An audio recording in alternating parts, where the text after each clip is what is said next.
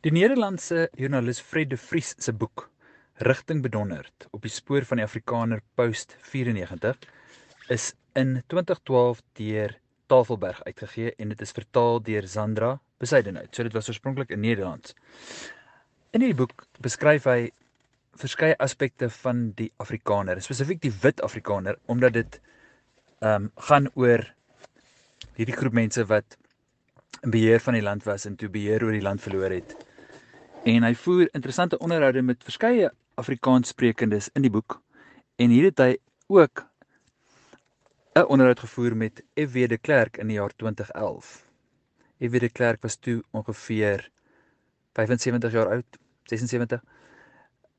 Nelson Mandela het nog gelewe. En dis interessant om 'n buitelander se indrukke te kry oor 'n land soos Suid-Afrika en ons plaaslike geskiedenis, die oorgang van uh, de Klerk se regering na Mandela se regering van die bestel wat daar was na die nuwe bestel toe. En hier is 'n deel van uh Fred de Vries se onderhoud met F.W. de Klerk wat hy onder die opskrif die groot argitek F.W. de Klerk in sy boek uitgee. Dis op bladsy 106 en dit is hoofstuk 8 van die boek. Hy sê die klerk is van huis uit 'n regsman. Hy is behoudend en pragmaties, iemand wat logies dink en soek na konsensus. Hy was nog redelik jonk toe hy besef het dat apartheid gedoem was. Al het hy ook soos Pik Botha en baie ander nog 'n tyd lank geglo in die idee van swart tuislande. En dan haal hy vir Evie de Klerk aan. As parlementslid het ek die regering aangemoedig om die konsep van verskillende nasiestate vir swart mense aantrekliker te maak. Jy kan nie KwaZulu-Natal hê wat uit 10 los stukke bestaan nie. Maar ons monde is gesnoei deur die eerste minister B.J. Foster. As ek nou met Israel se beleidsmakers praat, sê ek reguit vir hulle, een van die redes waarom die nasie-staat in Suid-Afrika misluk het, is omdat wit mense te selfsugtig was. Ek wil weet of hy op enige spesifieke oomblik besef het dat apartheid 'n verraderlike stelsel was. In sy biografie skryf hy oor hoe hy as klein seentjie swart maats gehad het. As sulke vriendskappe dan op 'n dag tot 'n einde gekom het, moet daar tog sekere vrae by jou ontstaan. Hy skud sy kop. Nee, daar was nooit 'n Damascus oomblik, 'n openbaring nie. Effie sê, die swart maats het nooit by ons oorgeslaap nie. Hulle is altyd terug na hulle ouers toe. En ek dink almal van my geslag het groot geword met die idee dat dit doodnormaal was, sê hy. Sy bewuswording het as 'n bestendige rasionele proses ontwikkel.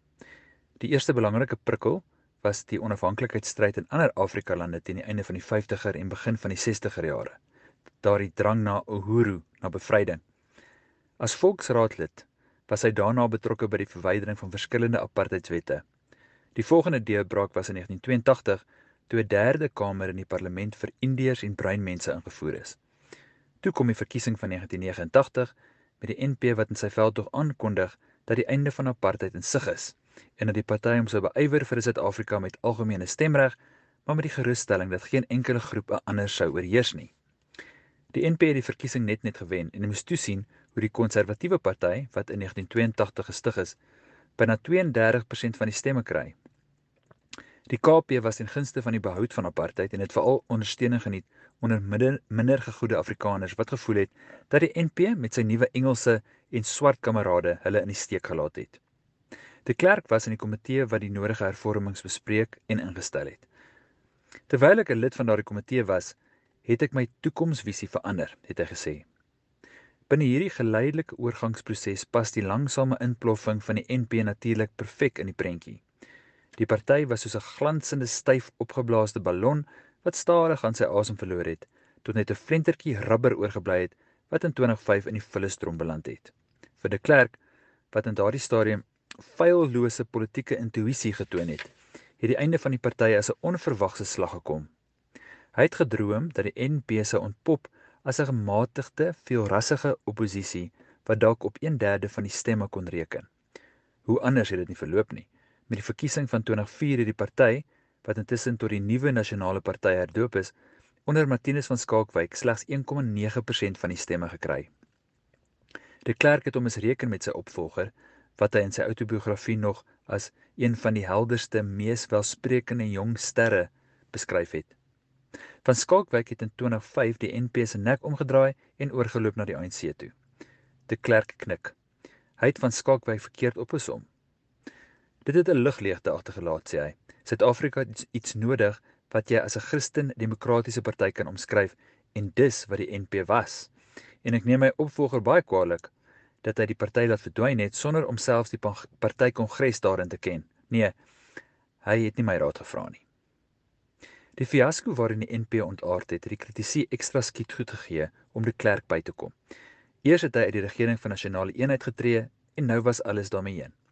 Hulle het magteloos teenoor die ANC gestaan wat ongestoord sy gang kon gaan met die marginalisering van die wit mense. De Klerk knik weer. Daar sit 'n belangrike kern van waarheid in die bewering dat die ANC rasseklassifikasie heringestel het. Al is dit hierdie keer nie op die wetboek nie, met hulle ongebreidelde regstellende aksie en hul ongebreidelde swart ekonomiese bemagtiging. Die gevolg daarvan is dat wit mense en ander minderhede uitgesluit voel, soos tweede rangse burgers. Dan staan nie onder president Zuma het die onderlinge verhoudinge darm weer in sekere mate verbeter voeg hy by. Zuma het pogings tot toenadering aangewend en hy is minder ideologies gedrewe en meer pragmaties as Mbeki. Die probleem is dat hy die regte dinge sê, maar as dit by die implementering daarvan kom, sien ons nie veel daarvan nie. Hm. In die kritiek op de Klerk of eerder is die kritiek op de Klerk geregverdig. Dit was sekerlik voorspelbaar dat die wonderwerk van 1994 angels sou hê en ook dat dit sekere gevolge vir wit mense, veral Afrikaners, sou inhou. As jy die horlosie terugdraai, moet jy egter toegee dat die klerk en sy onderhandelaars aan die begin van die 90er jare deur 'n geweldige taak in die gesig gestaar is. Die ANC het geweet dat sy dat sy geleedere versterk is deur miljoene ongeduldige ondersteuners wat in die strate getooi tooi het. Die potensiële NP bondgenoot, Mangosuthu Buthelezi van die IFP, het opgetree soos 'n balhorige tiener wat dit goed gedink het om gewapende impies in te stuur wat sou amok maak in KwaZulu-Natal en die townships rondom Johannesburg. Terselfdertyd moes die klerk rekening hou met die wit oppositie, naamlik die konservatiewe party wat apartheid wou behou, die pistooldraers van die AWB en later die reaksionêre Vryheidsfront wat geweet het dat hulle gedeeltelik op die weermag kon staatmaak. Op die koop toe is die ANC-leier Chris Hani in 1993 deur 'n regse wit man vermoor en het swart ekstremiste wit mense aangeval. Daar was ook sprake van 'n derde mag wat gestook is deur duistere kragte binne die veiligheids veiligheidsmagte wat die geweld in die land verder aangevuur het. Die klerk het altyd ontken dat hy persoonlik kennis gedra het van die derde mag en van die wrede manier waarop daar met aktiviste en ANC ondersteuners afgereken is. Sommige lede van die veiligheidsmagte het later beweer dat hulle van die van PW Botha en sy kabinet verneem het dat daar geen beperkings was nie al het al het die skriftelike bewyse ontbreek. Ek het vir die waarheids- en versoenings eerder, ekskuus tog. Ek het vir die waarheids- en versoeningskommissie gesê dat ek nooit deel van 'n beleidsmaatreël uh dat ek nooit deel was van 'n beleidsmaatreël wat vertolk kon word as moord is toelaatbaar, koelbloedige moord is aanvaarbaar nie. Nooit. En hulle het probeer om bewyse te kry, maar nie daarin geslaag nie, sê die voormalige president. Bovendien het de Klerk met 'n 12de man te maak gehad. Die nalatenskap van apartheid het beteken dat die internasionale openbare mening outomaties en by herhaling kant gekies het vir Mandela en sy ANC, die byna heilige figuur wat in die Klerk se boek telkens as 'n moeilike mens uitgebeeld word. Hy praat dan harder. Ek sê dit vir die soveelste keer, hy is 'n merkwaardige man en hy verdien alle lof wat hulle hom hier in die buiteland toeswaai. Maar hy is ook 'n gewone mens en ek het hom besonder goed leer ken. So ja, Daar is by hom min tekens van verbittering, maar is ook nie totaal afwesig nie. Hy kan baie aggressief raak as hy kwaad word. As hy nie sy sin kry nie, kan hy soos 'n bedorwe kind sy speelgoed uit die stootwandjie gooi, maar dit het net by uitsondering gebeur. In die algemeen is hy 'n redelike man, 'n analitiese denker wat volgens helder, logiese beginsels optree. As ek beskryf dat hy ernstige foute gemaak het en dat hy soms bra onredelik teenoor my was, dan ontken ek nie dat hy 'n besondere mens is nie. Sy grootste bydrae was in sy rol op die pad na versoening. Van 'n verenigde oppositie teen die ANC was daar om die minste te sê geen sprake nie. Eerder van 'n klomp middelpunt vredende kragte wat die klerk in toom moes probeer hou. 'n Mens kan dit nogtans 'n wonderwerk noem dat die partye hoegenaamd tot 'n vergelyking gekom het en dat daar in 1996 'n grondwet gestalte kon kry wat wêreldwyd as die toppunt van vooruitgang geprys is. Tog moet dit vir die klerk frustrerend wees. Hy het soveel vermag en tog relatief min erkenning gekry. Dis altyd Mandela wat die kaalklig steel. Ek het dit nie gedoen vir erkenning nie, sê hy.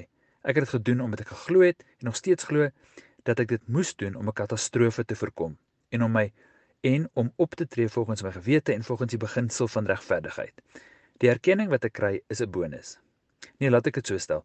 In die diepste van my siel, in my diepste gedagtes, is daar absoluut geen sprake van wetywering met Mandela nie. Hy verdien alle erkenning wat aan hom gegee word en ek is tevrede met my deel.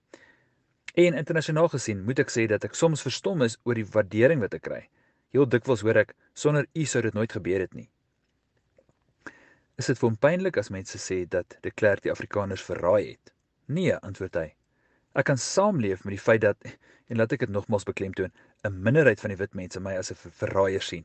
Wat my aangespoor het, was die wete dat ons vir wit mense geen toekoms en sekerheid kan skep as ons die meerderheid van die bevolking onregverdig behandel nie. Slegs as daar regverdigheid teenoor almal is, kan almal veiligheid en voorspoed geniet. As ek binne daardie raamwerk terugkyk, moet ek sê dat ek al die belangrike besluite wat ek tydens my presidentskap en kort daarna geneem het, weer sou neem.